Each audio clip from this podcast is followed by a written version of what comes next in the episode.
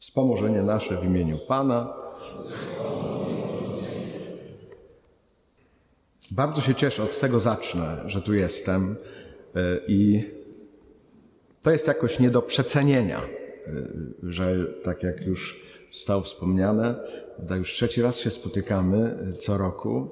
Że nie macie mnie dość, to bardzo dziękuję za to. Ale też jakoś Pan Bóg mnie też pociesza, dając mi słowo dla Was, za każdym razem nowe, nowe dla Was, mam nadzieję, ale też może egoistycznie myślę, przede wszystkim nowe dla mnie. I też nowe to znaczy rozwijające, nowe to znaczy takie, którego ja do tej pory nie znam. I nawet jak to dotyczy tematów, które myślę, jak tu jesteśmy, są nam bliskie, ważne i znane, to Pan Bóg zawsze przychodzi z tym słowem w nowy sposób. Mamy wszyscy doświadczenie czytania Słowa Bożego, więc czytamy w kółko to samo, a jednocześnie cały czas liczymy na to, że to będzie coś nowego. Mimo, że to jest coś, co znamy, to to będzie w nowy sposób nam podane, taki, który bardzo konkretnie jest potrzebny w tym momencie naszego życia. I mogliśmy coś czytać tysiąc razy, a y, czytaliśmy to w innym czasie, w innym kontekście, w innym momencie naszego życia i wtedy też miało znaczenie, ale inne niż ma dziś. A jednocześnie, im dłużej jestem kaznodzieją, im dłużej czytam Słowo Boże, tym bardziej widzę, jak to jest potrzebne, czy nawet konieczne do życia. Że ja mam, czy mogę mieć głowę pełną mądrości. Ale ja dzisiaj nie wiem, co się ze mną dzieje i nie wiem, co mam dalej robić. Dla mnie osobiście e, kaznodziejsko, e, mówię o tym też dlatego, że wielu z Was pewnie tak czy inaczej głosi Ewangelię na różne sposoby. Nie? I dlatego przywołuję ten przykład. Pamiętam taką sytuację sprzed kilku lat, jak byłem początkującym takim kaznodzieją, jak miałem rekolekcje ośmiodniowe u sióstr. Ośmiodniowe rekolekcje to jest osiem razy dwa konferencje plus osiem kazań. A to jakby tyle trzeba powiedzieć. 24 konferencje i kazania. I miałem jakoś przygotowane, to jest, nie wiem, dla muzyka, jak ktoś jest muzykiem, to to czuje, jakby to jest tak, jakbyś nagrał dwupłytowy album. To tak naprawdę twój pierwszy dwupłytowy album to jest tak naprawdę wszystko, co umiesz. I boisz się, czy ci starczy. czy tyle masz kontrakt na dwupłytowy album, czy ja jestem w stanie tyle dobrej muzyki y, zaproponować. I y, miałem to wszystko przygotowane jakoś, y, z drżeniem. Wchodzę, pamiętam, do tego klasztoru i na drzwiach jest plakat na rok jubileuszowy, rok miłosierdzia. Miłosierny jak ojciec. Ja w tym momencie, jak zobaczyłem ten plakat, zrozumiałem, że nie mam powiedzieć nic z tego, co mam przygotowane i że mam całe te ośmiodniowe rekolekcje, czyli te 24 konferencje i kazania, powiedzieć tylko na podstawie przypowieści o miłosiernym ojcu i marnotrawnych synach. Ja myślę, ale jak? I w ciemno mówię w pierwszej konferencji, że tak będzie. I słyszę siebie w środku, ale w ogóle skąd wiesz, że tak będzie? Przecież nic nie masz. Może na trzy konferencje z tego doświadczenia dotychczasowego głoszenia by ci starczyło, ale nie na dwadzieścia cztery. Po pięciu dniach się zorientowałem, że jestem dopiero przy piątym wersecie tej przypowieści. I zacząłem się bać, e, czy skończę. Jak w trzy dni, które mi zostały, powiedzieć resztę. I dokładnie w ostatniej konferencji dopinałem e, tę przypowieść. Tyle, że ciąg dalszy był taki, że za tydzień miałem kazanie do tego fragmentu Ewangelii o miłosiernym Ojcu i marnotrawnych synach i zupełnie nie wiedziałem, co mam powiedzieć. że to już za tydzień był inny czas, że to słowo było już inne, to samo, ale nie takie samo. I ja nie powiem dzisiaj nic nowego, w tym sensie, że usłyszycie nową treść, czy że dostaniecie nowe słowo, którego nie znaliście. Może jak ktoś jest początkujący w tym gronie, to może rzeczywiście y, to jest dla niego jeszcze nowe, świeże, pierwsze. Alleluja. Zazdrościmy takim. A, ale większość, myślę, z nas słyszy to po raz kolejny. Tyle, że tu chodzi o postawę serca. Ogromnie się ucieszyłem, że nim ja tu wyszedłem, pomodliliśmy się modlitwą Ojcze Nasz.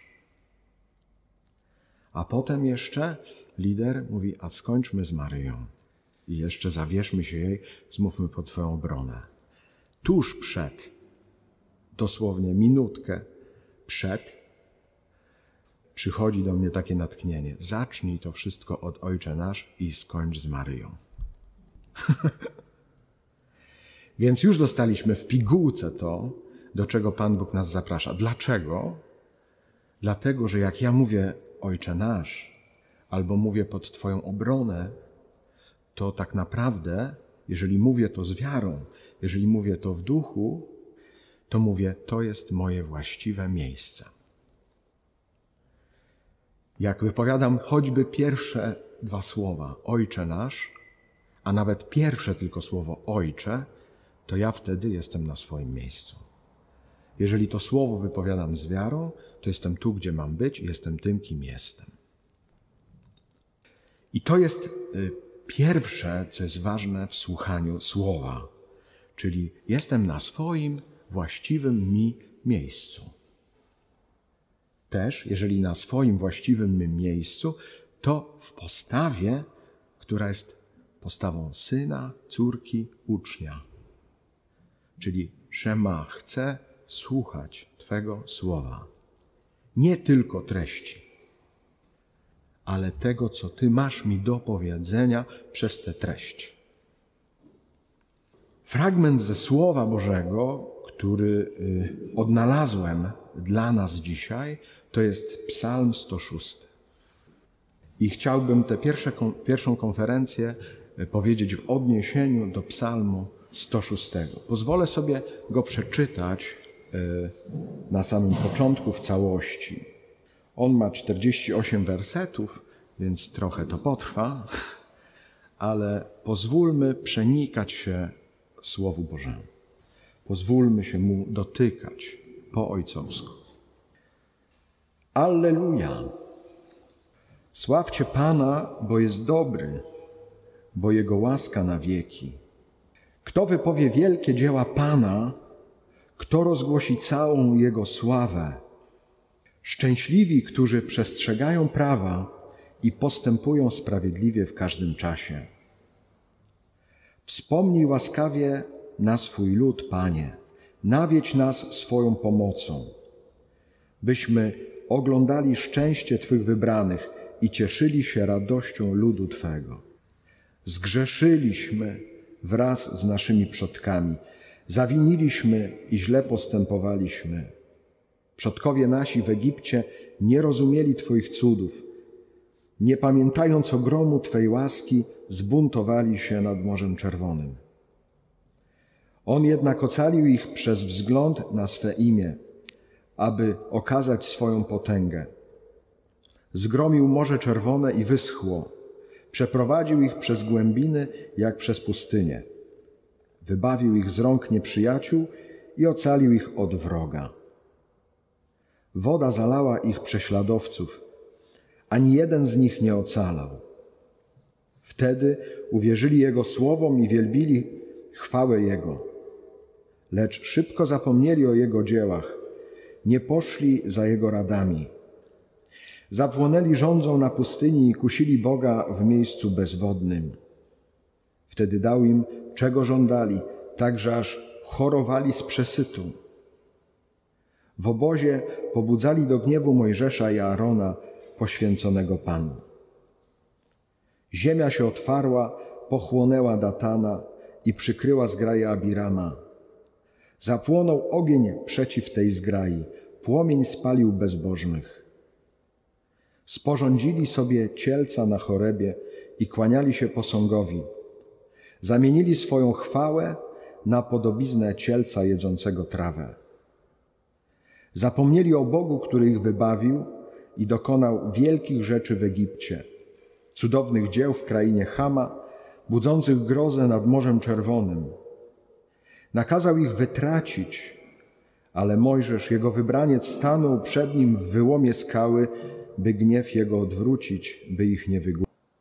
Wzgardzili upragnioną ziemią, nie uwierzyli jego słowom. Szemrali w swoich namiotach, nie słuchali głosu Pana. Wówczas podniósł przeciw nim rękę, aby ich pobić na pustyni, rozproszyć ich potomstwo wśród narodów, rozpędzić ich po obcych krajach. Oddali się na służbę Baala z Peor, jedli ofiary składane zmarłym, rozgniewali go swymi postępkami, to też spadła na nich plaga. Lecz powstał Pinchas i przebłagał go, a wtedy skończyła się plaga. I uznano mu to za sprawiedliwość po wszystkie pokolenia na wieki. Rozgniewali go przy wodach Meriba, a z ich powodu ucierpiał Mojżesz, bo rozgoryczyli jego ducha, to też przemówił nierozważnie. Nie wyniszczyli narodów, jak to Pan nakazał, zmieszali się z narodami, nauczyli się ich postępków, służyli ich bałwanom i stało się to dla nich pułapką. Swoich synów i córki demonom składali w ofierze i przelewali krew niewinną, krew swoich synów i córek, składali ich w ofierze bałwanom Kanaanu, ich krwią splamili ziemię. Splugawili ją czynami swoimi, cudzołożyli przez swe występki. Zawrzał gniewem Pan przeciw ludowi, wzgardził swoim dziedzictwem. Wydał ich w ręce narodów, panowali nad nimi ich wrogowie. Nieprzyjaciele ich uciskali, upokarzając ich swymi rękami. Choć wielokrotnie ich uwalniał, oni nadal trwali w swym buncie, aż zostali upokorzeni przez własne grzechy. I widział, jak ich udręczeni, przepraszam, i widział, jak byli udręczeni, wysłuchał, gdy wołali do Niego, bo pamiętał o swoim przymierzu, użalił się nad nimi w ogromie swej łaski. Okazał im miłosierdzie wobec tych, którzy ich uprowadzili. Wybaw nas, Panie, nasz Boże, zgromadź nas spośród narodów, byśmy sławili Twoje święte imię i szczycili się Twoją chwałą. Błogosławiony Pan Bóg Izraela od wieków na wieki, a cały lud niech mówi Amen, Alleluja. To, co już na początku zwraca uwagę w tym psalmie, że zaczyna się od Alleluja i kończy się na Alleluja.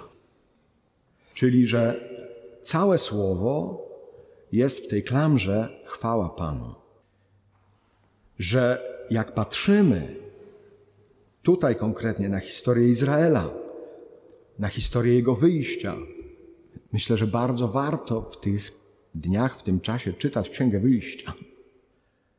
Takie mam natchnienie i, i chcę Wam to powiedzieć. Czytajcie Księgę Wyjścia. Ten psalm jest y, doskonały w tym sensie, że w jednym hymnie, pieśni, czyli y, słowie do śpiewu, opowiada całą tą drogę. Nie? Gdzie jak sięgniemy do Księgi Wyjścia, czy dalej do Księgi e, Kapłańskiej, Królewskiej, Księgi Liczb, prawda, to będziemy mieli każdy ten werset, to słowo rozszerzone, żebyśmy poznali, co tam właściwie się działo, jak to właściwie jest. I tak jak słyszeliśmy przed chwilą, jest mnóstwo rzeczy takich niechwalebnych. Niechwalebnych ze strony Izraela, niechwalebnych ze strony Izraelitów konkretnych, ale chwalebnych ze strony Boga. Dlatego śpiewamy Alleluja na początku i na końcu. Śpiewamy chwała Panu na początku i na końcu, bo chwała jest Panu, a nie Izraelitom, Izraelowi. I w tym kluczu warto czytać słowo, ale też w tym kluczu warto czytać nasze, moje życie. Jakże często przecież tak się dzieje, że patrzę na moje życie i kiwam z politowaniem głową i myślę sobie, jeżeli, żeby nie przeklinać, to powiem słabo. Tak się wydawało, że jak już Boga złapię za nogi, że jak się nawróciłem, to będzie lot. Dlatego warto czytać Słowo, bo ono nie pozostawia złudzeń. Mówi konkret. Izraelici wychodzą z Egiptu po wielkim ucisku i niewoli. To jest dokładnie to doświadczenie początków. Kiedy ja, jeżeli prowadziłem życie grzeszne, uwikłane, gdzie mi było ciężko, strasznie, gdzie byłem pogubiony, gdzie byłem nękany na różne sposoby, obciążony. I nagle spotkałem Jezusa, nowego Mojżesza. I on mówi: Wyprowadzę cię z niewoli, wyprowadzę cię z tej ziemi. Jak oni wychodzą, jeszcze są świadkami te, tych plag, że naprawdę to, co nad nimi panowało, zostało przezwyciężone. Czy choroby, czy jakieś inne uciski, prawda? Jakieś związki, no jakieś sytuacje, w których byłem, w rodzinie, wśród przyjaciół, w pracy, gdziekolwiek. I nagle doświadczam wyzwolenia. Jeszcze złupiłem Egipcjan, prawda, przy wyjściu bo poprosiłem, żeby dali coś tam. Może dostałem jakąś odprawę nawet z roboty. No, w każde różne rzeczy, prawda? Czuję, że wychodzę z Egiptu. Wow! Idę jak na skrzydłach, ale naprawdę niedaleko zachodzisz, dochodzisz do Morza Czerwonego, oglądasz się, a tamci cię ścigają. Na rydwanach nie masz szans. Pierwsze narzekanko że to nie jest ten moment, prawda, że jak ja uwalniam się z Egiptu, to ja od razu do nieba. Nie, uwalniam się z Egiptu, och, i idę na pustynię. Znaczy, to jest pierwszy moment kryzysu. Że tak Pan Jezus mnie wyzwolił, a potem jakieś szare życie. Co więcej, stary człowiek mnie dopada nie? stare grzechy, stare wady. Taki niby nawrócony, a wychodzą lęki, obawy. A co ze mną będzie? A z czego będę żyć? No przecież jesteśmy w tym świecie. Co będę jeść? Co będę pić? Boję się, że tamci mnie doganiają, nie? Ci ze starego życia że po prostu widzę to, nie przetrwam. Co wtedy mówią Izraelici? Czemu nas wyprowadziłeś z Egiptu, mówią do Mojżesza. Mieliście kiedyś taką modlitwę do Jezusa? Czemu mnie wyzwoliłeś? Czemu y, mnie uwolniłeś? Czemu mnie zbawiłeś? Już lepiej, żebym tam został. Mieliście taką modlitwę? Nie mieliście, to jeszcze nie wyszliście z Egiptu, może? Znaczy, bo, że to jest, nie? Czy oni mówią wprost, czy mało było grobów w Egipcie? To nawet im nie chodzi, żeby żyć, tylko żeby przynajmniej na jakimś cmentarzu leżeć, a nie gdzieś tam na polu. Więc bardzo szybko to się dzieje, nie? I potem widzimy krok po kroku. Owszem, Pan przychodzi, znów doświadczamy tego rozstępuje się Morze Czerwone, przechodzimy. On załatwia tych Egipcjan. Miriam śpiewa. Alleluja. Jest za co dziękować, nie? Parę kroków dalej gorzkie wody. Nie ma co pić. Już. Obraza majestatu. Nie? Jakby cały czas To jest, macie choćby w rodzinach, wracacie nawróceni do małżeństw swoich, nie? do rodzin. I oni w ogóle nie są tym zainteresowani. Raczej was traktują gorzko niż słodko. I ty myślisz, to ja po to wyszedłem, żeby tu umrzeć na pustyni? Czy Pan Jezus mnie po to wyzwalał, żebym ja żył w konflikcie z rodziną? Przecież On jest od miłości. Czemu nie zrobi tak, że się wszyscy nawrócą? I że nie będzie w moim życiu żadnej goryczy, tylko będzie sama słodycz. Co wtedy robi Bóg? Mówicie, nie macie wody? Mówicie, nie macie co jeść? Tyle wam dam, że wam uszami wyjdzie. Tyle, że nawet nie będziecie umieli tego użyć. Znaczy, cały czas jest ta mentalność takiego niewolnika z Egiptu. Że jak nawet dostaję przepiórki, to nie jestem tak przedsiębiorczy jak poznaniak, tylko się tak nażrę, że mi uszami wychodzi, a za chwilę znów jestem głodny. Że nie umiem, nawet to, co dostaję, nie umiem tego użyć. Że Bóg daje mi kolejne dary, kolejne błogosławieństwa, ale ja nie wiem.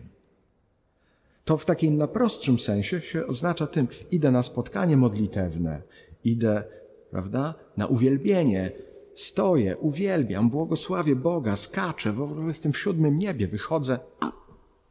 Tu jestem pełen, aż mam nadmiar, nie wiem co mam zrobić. Ro w modlitwie mnie rozrywa, w ogóle serce mi pęka, w ogóle umysł. Myślę, że jestem mistykiem. Wychodzę tylko za drzwi. Głód. Tu się umiem modlić, tam nie. Dlaczego? Myślę, że to są takie zwykłe, proste, krok po kroku doświadczenia, które są. Czytamy o tym w Słowie. Co więcej, po prostu, jak mówi polskie przysłowie, jak chcesz uderzyć psa, kij się zawsze znajdzie. Czyli, że zawsze se znajdziesz coś, na co możesz narzekać. Nie z tej strony, to z tej. Nie z tej, to ta nieufność, ta podejrzliwość, to nie wiem, co tam jeszcze. I jak się to przejawia? To też piękny jest taki midrasz o Mojżeszu. Że jak już wszystko mam, mam co jeść, bo już ta manna leci z nieba, jakoś mi się nieźle żyje, no to szukam dziury w całym, nie? I ten midrasz mówi tak. Mojżesz w pewnym momencie zaczął zbierać, wstawać wcześnie rano i zbierać mannę jako pierwszy. Jak Izraelici na to patrzyli, to mówią, eee, wstał zbierać pierwszy, żeby sobie najlepsze kąski zebrać. Jak to usłyszał, zaczął wstawać ostatni i zbierać na końcu. No to oni mówili, eee, chcę zbierać na końcu. Nie chce się do nas przyznawać, taki leniwy, że śpi do południa. Jak wychodził żeby się nie narażać, chodził wokół obozu, mówi, gardzi nami. Jak chodził środkiem, mówię, a chce się tak przed nami pokazać. To jest dokładnie to. Jak masz problem w środku, a masz, to zawsze znajdziesz, żeby coś było nie tak. Żeby manna leciała z nieba. Wszystko było, woda, przepióreczki, co tylko chcesz. Ładnie wszystko idzie, prawda, we wspólnocie. Wszyscy się lubią. Muzyka, okej, okay, prawda, tego spotkania, okej. Okay.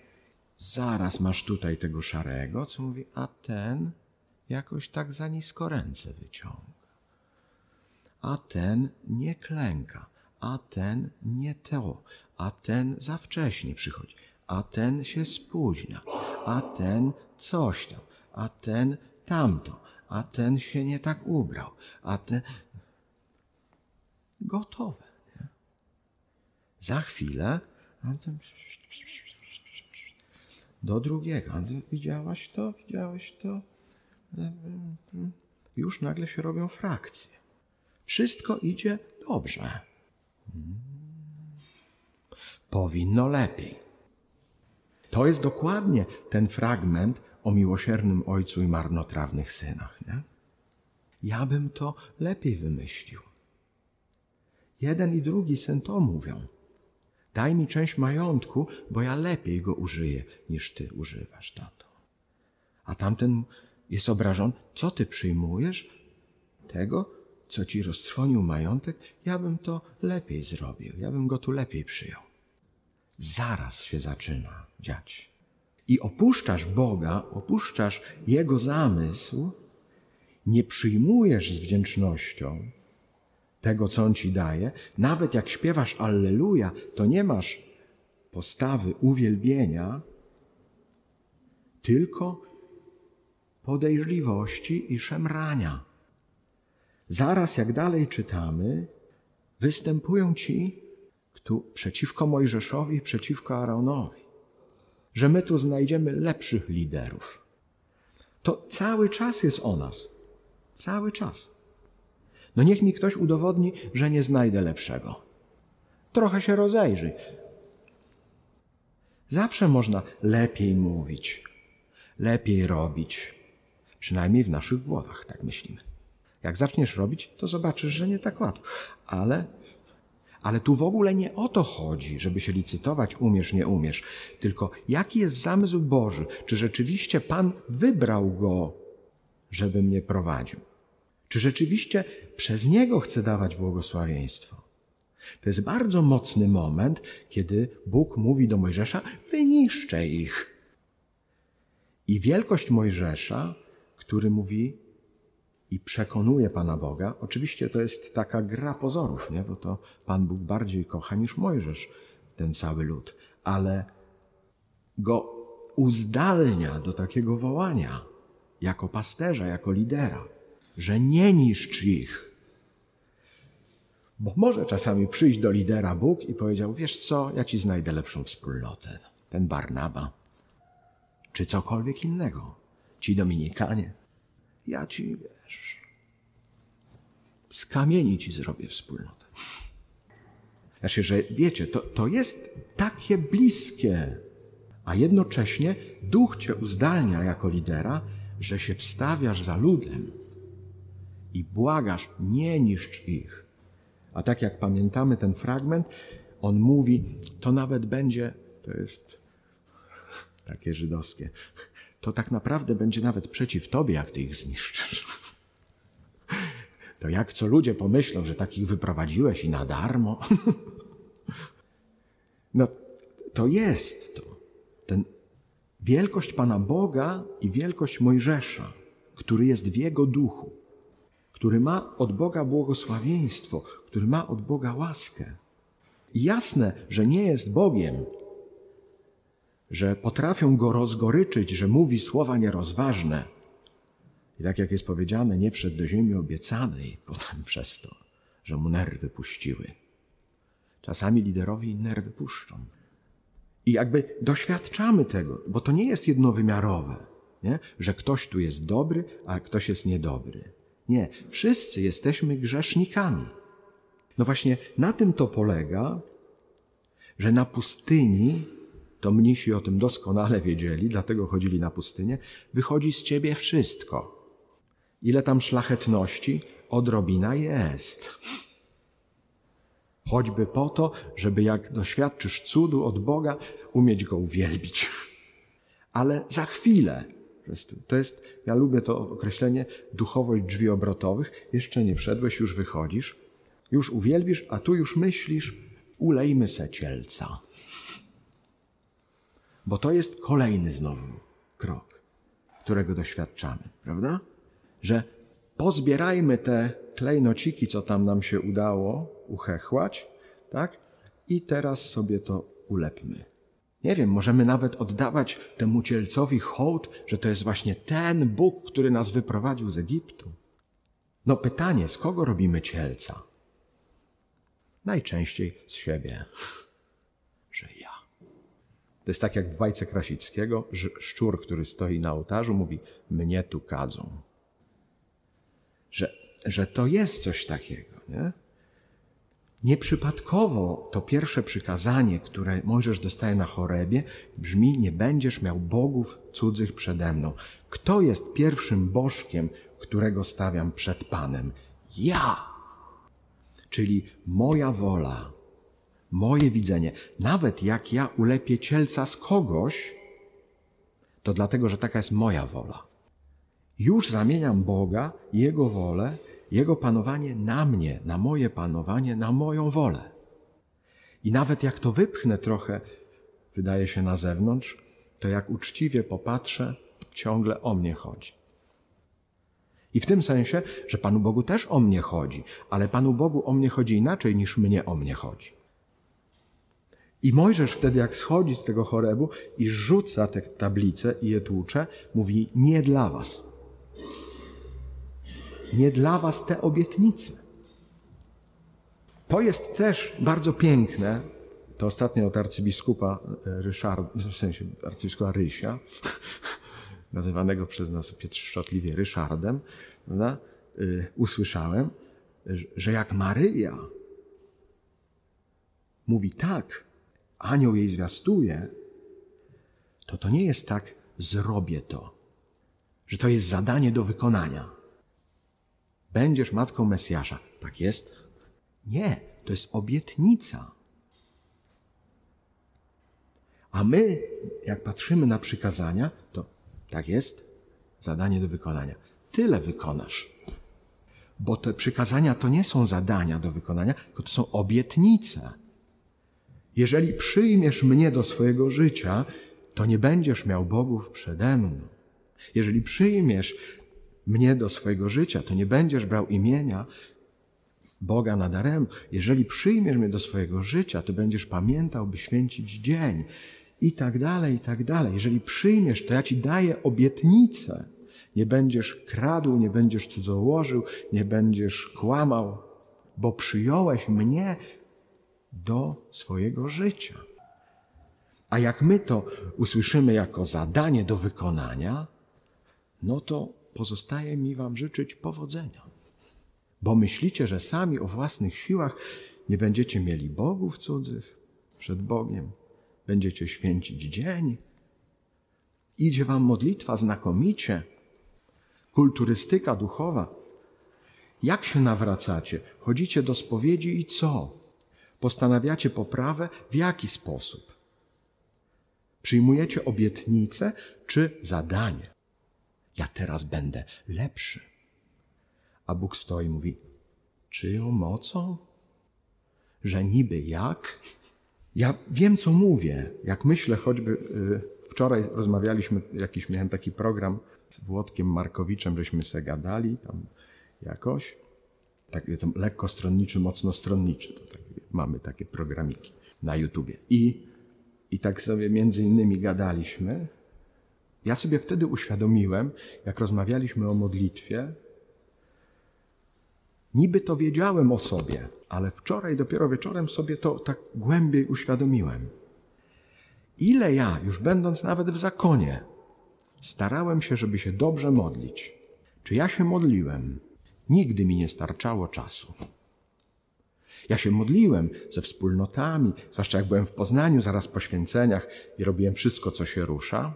Czy poszedłem do neokatechumenatu, czy do odnowy w Duchu Świętym, czy do duszpasterstwa rodzin, czy do muzyków. Wszędzie się modliłem.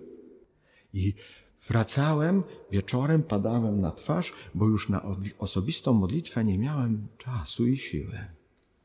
I sobie uświadomiłem, że ja teraz mam łaskę dłuższej modlitwy, że sobie rano wstanę czy w nocy i się pomodlę, czy to, że ja się tyle modlę dziś, to jest dlatego, że ja tak sobie zaplanowałem i mam takie zadanie, o tej, włączam sobie budzik, o tej godzinie w nocy wstaję albo wcześniej, żeby mieć tyle. Mówię to z całym szacunkiem, że na jakichś etapach różne są klucze do modlitwy. Ale jako świadectwo to mówię. Wcześniej, gdy sobie planowałem, nie miałem kiedy się modlić. Teraz, jak przyjmuję to jako obietnicę i dar Boży, mam tyle modlitwy jak nigdy wcześniej. Bo to sam Bóg mnie uzdalnia do modlitwy, a nie ja się dyscyplinuję do modlitwy. I chcę być dobrze zrozumiany, że to nie jest tak, że o, niech mi się stanie, a ja nic nie będę robił. Ale tu bardziej chodzi, i z mojego doświadczenia tak to wynika, że bardziej chodzi o to, że ja mam być otwarty i gotowy, a nie o to, że ja tak się zdyscyplinuję sam. Wydaje się, że to jest subtelna różnica, ale po owocach poznacie, kto to robi. Bo mogę być jak faryzeusz, który mówi: Poszczę kilka razy w tygodniu i modlę się i daję dziesięcinę ze wszystkiego, co nabywam. I coś tam. Jezus mówi: Nie znamy się. Wszystko świetnie zdyscyplinował. Czy można mu zarzucić, że się nie stara? Przecież wszystko podporządkowuje, całe swoje życie podporządkowuje temu, żeby wypełniać, a nawet nadgorliwy jest, bo tam aż takich przykazań nie ma do faryzeuszów, jak on tam przed tym celnikiem stojąc wyznaje. Robi więcej, jest nadgorliwy nawet. Tylko, że to w ogóle nie jest modlitwa. Ja kiedyś to zrozumiałem, nie wiem, mam nadzieję, że jeździcie czasami na jakieś rekolekcje, takie, nie wiem, na przykład w ciszy, prawda?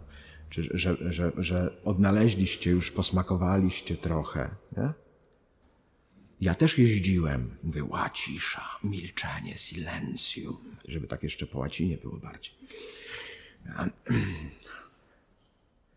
Tylko w pewnym momencie na modlitwie słyszę coś takiego. A czy to silencium nie jest Twoim bożkiem? I pytanie krótkie, po co jest silencium, po co jest cisza? Dla ciszy? Jeżeli cisza nie jest po to, żebyś lepiej słyszał Boga, to po co ci cisza? I to oczywiście nie jest na takiej zasadzie, to w takim razie niech nie będzie ciszy. Nie. Czasami właśnie tak jest w modlitwie, że niby już idzie ci i nagle się wyłączy coś. Nie? I co, włączać, nie wyłączać, zniechęcić się, który, ile można się rozpraszać. Macie takie doświadczenie w modlitwie? Siedzisz minutę i już jesteś w kosmosie swoim. Nie? A co mam kupić? A co mam te? A co mam do załatwienia? I za chwilę, kurczę, złapiesz się na tym trzeci, piąty raz, myślisz, nie ma to sensu. To ja już wstaję i idę z tej modlitwy. Głupie. Masz siedzieć i walczyć z tym, ale nie swoją mocą. Po co ci to? Czy to rzeczywiście służy zbliżeniu się do Jezusa?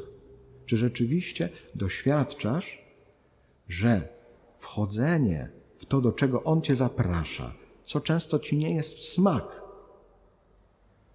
że wchodzenie w to daje owocność. Nawet jak w modlitwie niczego nie przeżywasz, nawet jak ci się wydaje, że to jest jak po grudzie wszystko. Patrzysz na życie płodne. Nie wiesz co. To jest już ten przykład wielokrotnie powtarzany Matki Teresy z Kalkuty, tak? Czyli, że ona miała poczucie oschłości, że w ogóle nic. A wszyscy wokół widzieli, jakie owoce przynosi jej życie. Że ja rzeczywiście mogę tłuc kamienie na pustyni. Ale jak Pan powiedział, idź na pustynię, to tam masz być, bo On tam cię chce widzieć. Tu jest ten moment wierności, ale też z ta pełną świadomością, że ta moja wierność nie jest moim wysiłkiem i moim staraniem, ale z łaski. I to jest oczywiście tak, jak też widzimy na tej pustyni, że Bóg mówi: wyjdźcie walczyć a potem sam Bóg walczy za Izraela. Ale nie mówi, to wy sobie zostańcie w oboziku i śpijcie, a ja tam załatwię temat. Tylko mówi, wyjdźcie, a ja będę walczył za was. Więc moim psim obowiązkiem jest wychodzić do walki, stawać na modlitwie ale zwycięstwo nie ode mnie zależy. I idziemy krok po kroku, doświadczając co róż tego, co przynosi pustynia. Jak czytamy, to możemy się naprawdę załamać. Jedno pokolenie przychodzi jakiś prorok, stawia temat na nogi, wracają y, Izraelici do Boga, uwielbiają Go, żyją dobrze, następne pokolenie odstępuje. Kiepsko, ledwo co ciągną nosem po ziemi, znów przychodzi jakiś prorok, wyzwala ich, alleluja, następne pokolenie w dół. To, co widzimy na przykład w księdze Samuela, no można się załamać, prawda? Widzimy Helego, który go uczy, tak? który się sprzeniewierzył Bogu, już nie mówiąc o synach Helego. I nagle masz takiego Samuela, perełkę, jak jest o nim napisane, że żadne jego słowo nie spadło na ziemię, ale synowie Samuela znów sprzeniewierzeni. Ma to sens? Czy jest po co śpiewać Alleluja? Jak widzisz, nawróciłem się. Jest mi dobrze z Panem Bogiem. Patrzę na swoje dzieci. Jedno w te, drugie w te. Śmieję się z mamy, śmieję się z taty. Nawiedzona, nawiedzony. Może się zdarzyć, że no, na przykład dzieci kochają rodziców. Mam nadzieję, że Wam się zdarza. I super jest. A, ale doświadczają na przykład od swoich rówieśników. Jesteście jacyś dziwni. Nie z tego świata. A na przykład już wnuki też w długą. Ja mówię to doświadczając samemu, prawda? Jestem duszpasterzem młodzieży w Krakowie przed laty. Przystań, elitarne krakowskie duszpasterstwo. Robiliśmy tak fantastyczne rzeczy. Czytaliśmy, żyliśmy Słowem Bożym. Modliliśmy, ach, Eucharystię, kaznodziejstwo. Wow, oni w ogień by poszli, za mną, za Panem Bogiem, nie wiem za kim jest. Kto dziś z nich jest wierzący? Ale nawet jak o sobie myślimy, tak naprawdę o to mi najbardziej chodzi, żebyśmy to usłyszeli. Bo mówię to do siebie, ale też mówię do każdego z Was. Czemu się dziwisz, że tak jest? Czytasz Słowo Boże i się spodziewasz nie tego, co jest w Słowie Bożym, tylko że będzie laurkowo.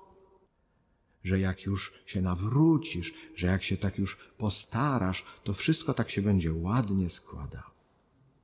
Jak rączki do modlitwy. No i tego ładnie się składa, jak rączki do modlitwy, troszkę jest. Ale jak patrzymy uczciwie na nasze życie, to większość taka nie jest. I wtedy znów diabeł, można by powiedzieć, odwraca kota ogonem i zaczyna cię oskarżać. I mówi: To po co tu jesteś w tej wspólnocie? Jaki to ma sens, żebyś ty tu był? Przecież ty tych wszystkich ludzi kłamiesz. Robisz dobrą minę do złej gry. Tak siądziesz sobie, prawda? Jesteś na spotkaniu, uśmiechasz się, ciastko upieczesz, co tam, tam się jeszcze robi, prawda? A tak jak popatrzysz na swoją modlitwę, na swoją relację z Panem Bogiem, to tam za bardzo kamień na kamieniu nie stoi. To co ja tu robię? Tylko, że to też jest diabelstwo, które cię oskarża po co? Żeby cię wykluczyć. Ostatecznie nie umiem się zdecydować najczęściej na to, żeby się wykluczyć całkiem i nie umiem się y, zdecydować na to, żeby żyć na full, więc tak sobie jestem. Co jakiś czas coś zrobię.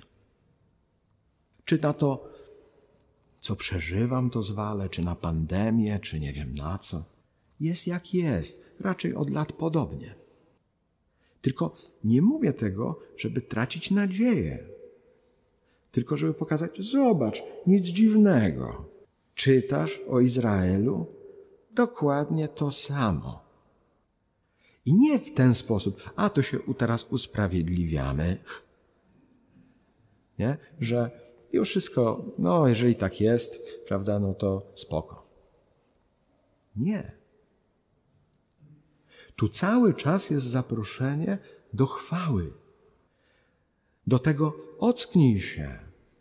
To, że tak wygląda życie na ziemi, że żyjesz na pustyni, że masz uciski, że ci czasami brakuje wody, że tracisz cierpliwość, że kąsają cię jakieś węże palące, że y, się sprzeniewierzasz, że popełniasz grzechy.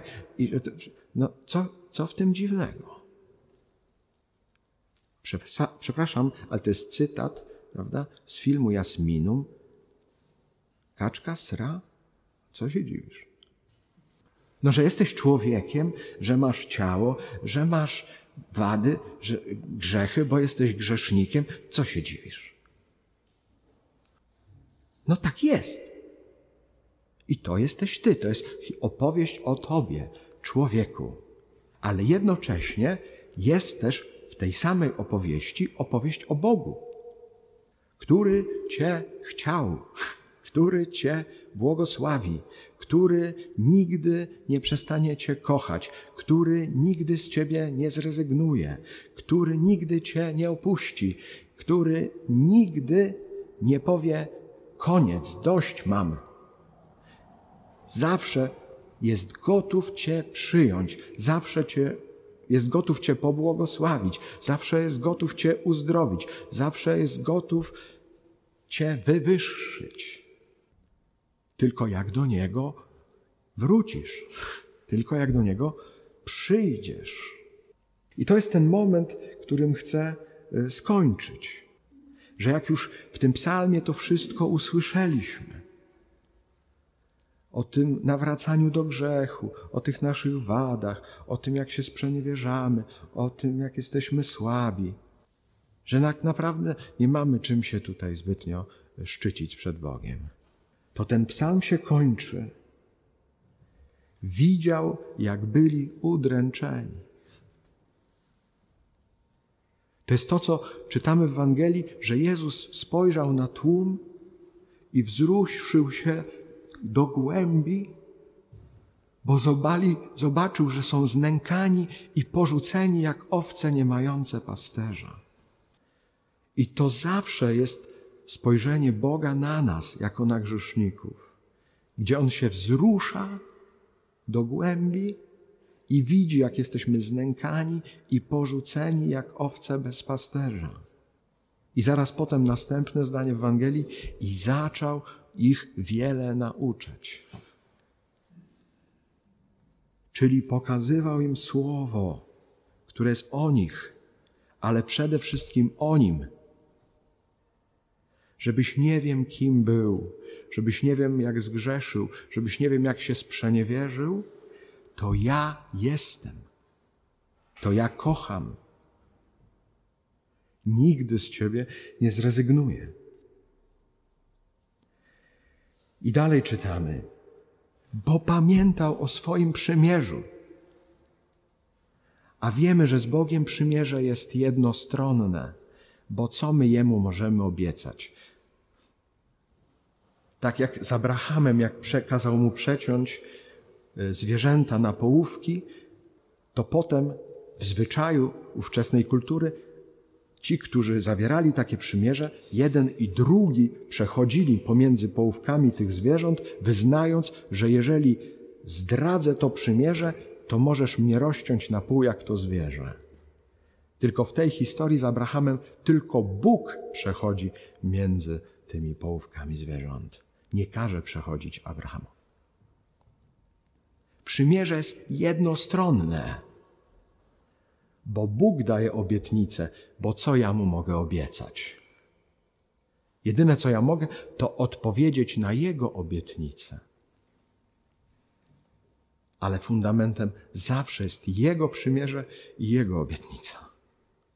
I dalej czytamy: Okazał im miłosierdzie. Bo tak naprawdę do tego zmierzamy i o to nam chodzi i tego najbardziej potrzebujemy. Że jak doświadczymy już tej naszej niemocy i słabości, że jedyne na co możemy liczyć, to na Jego miłość i miłosierdzie. I On ma miłosierdzia bez granic. Wybaw nas, Panie, śpiewa Dawid. Zgromadź nas spośród narodów, byśmy sławili Twoje święte imię i szczycili się Twoją chwałą. Że o to wołamy po tych wszystkich naszych doświadczeniach, że tego najbardziej pragniemy, żeby Bóg w duchu znów nas zgromadził, abyśmy mogli chwalić Jego, abyśmy mogli oddawać chwałę bo to wynika z tego, kim my jesteśmy, do czego w pierwszym rzędzie nas powołał. I ostatni wers, błogosławiony Pan Bóg Izraela od wieków na wieki. A cały lud niech powie Amen. I ostatnie słowo, Alleluja. Przyjmijmy to słowo nie jako ludzkie, ale jak jest naprawdę jako słowo Boga.